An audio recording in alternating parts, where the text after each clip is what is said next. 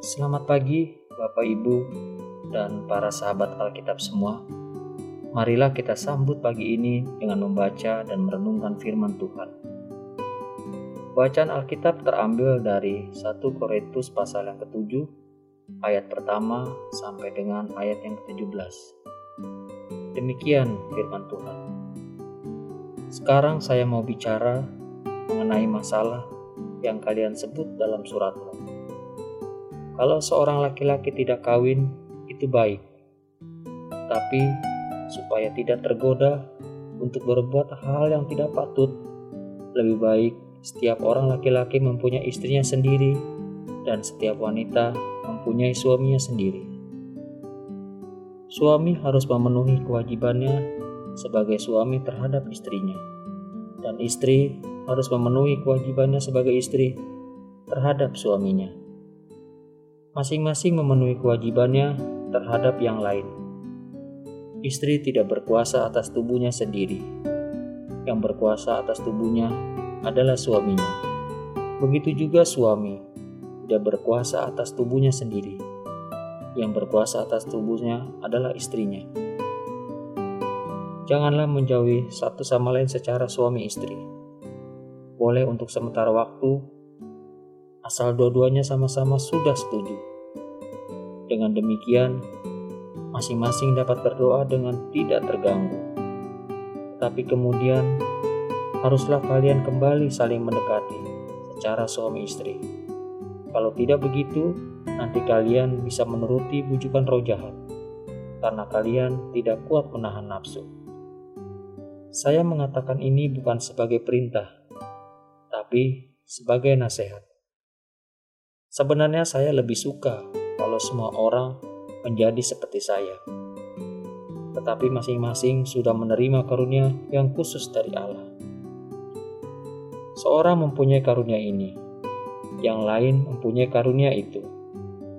Kepada orang-orang yang belum kawin dan kepada wanita-wanita yang sudah janda. Inilah nasihat saya lebih baik saudara tetap hidup sendiri seperti saya. Tapi kalau saudara tidak dapat menahan nafsu, saudaranya hendak kawin. Sebab lebih baik saudara kawin daripada nafsu birahimu berkobar-kobar. Terhadap mereka yang sudah kawin, inilah perintah saya. Sebenarnya bukan saya yang memberi perintah ini, tapi Tuhan. Seorang wanita yang sudah kawin, janganlah meninggalkan suaminya tetapi kalau ia sudah meninggalkannya, ia harus tetap tidak bersuami atau kembali kepada suaminya. Dan seorang suami tidak boleh menceraikan istrinya. Kepada yang lain-lainnya, nasihat saya ialah, ini nasihat saya sendiri, bukan Tuhan. Kalau seorang Kristen beristrikan seorang wanita yang tidak percaya kepada Kristus, dan istrinya setuju untuk untuk hidup bersama dengan dia, orang itu tidak boleh menceraikan istrinya. Dan kalau seorang wanita Kristen bersuamikan seorang yang tidak percaya kepada Kristus, dan suaminya setuju untuk hidup bersama dengan dia, maka istri itu tidak boleh menceraikan suaminya. Sebab suami yang tidak percaya dilayakkan untuk menjadi anggota umat Allah karena perkawinan dengan istri yang sudah menjadi milik Allah. Begitu juga istri yang tidak percaya dilayakan untuk menjadi anggota umat Allah karena perkawinannya dengan suami yang sudah menjadi milik Allah. Kalau tidak begitu, anak-anak mereka tentunya seperti anak-anak kafir. Padahal anak-anak itu dianggap sebagai anggota umat Allah. Tetapi kalau orang yang tidak percaya itu meninggalkan istrinya atau suaminya yang Kristen, janganlah menahan dia. Dalam hal ini, saudari atau saudara itu bebas, sebab Allah mau supaya saudara hidup dengan rukun. Karena saudara sebagai istri yang sudah percaya kepada Tuhan. Bagaimana kau saudara bisa tahu dengan pasti bahwa saudara tidak dapat menyelamatkan suamimu? Begitu juga saudara sebagai suami Kristen. Bagaimana kau saudara bisa tahu dengan pasti bahwa saudara tidak dapat menyelamatkan istrimu? Hendaklah masing-masing mengatur kehidupannya menurut bimbingan Tuhan. seperti yang sudah ditentukan oleh Allah baginya pada waktu Allah memanggilnya untuk percaya kepadanya. Itulah peraturan saya. Ajarkan tiap-tiap jemaat. Demikian pembacaan Alkitab untuk kita semua. Tema renungan kita hari ini adalah tidak ada pasangan yang sempurna.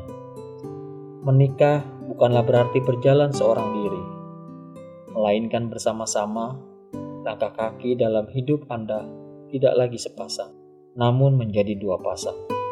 Berilah suami atau istrimu ruang untuk berpendapat dan kesempatan untuk mewujudkan keinginannya, selama tidak menyimpang atau menyalahi dari jalan Tuhan. Awal-awal pernikahan, segala hal akan dilakukan demi membahagiakan pasangannya. Namun, semua hal itu dapat berubah jika tidak benar-benar dilakukan dari hati.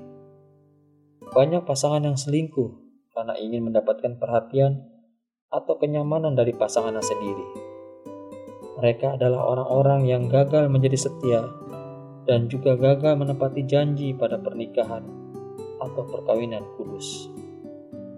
Tuhan tidak berkenan pada orang-orang yang gagal setia. Sia-sialah doa yang mengharapkan berkat jika saat ini kita meninggalkan pasangan kita. Tidak ada pasangan yang sempurna.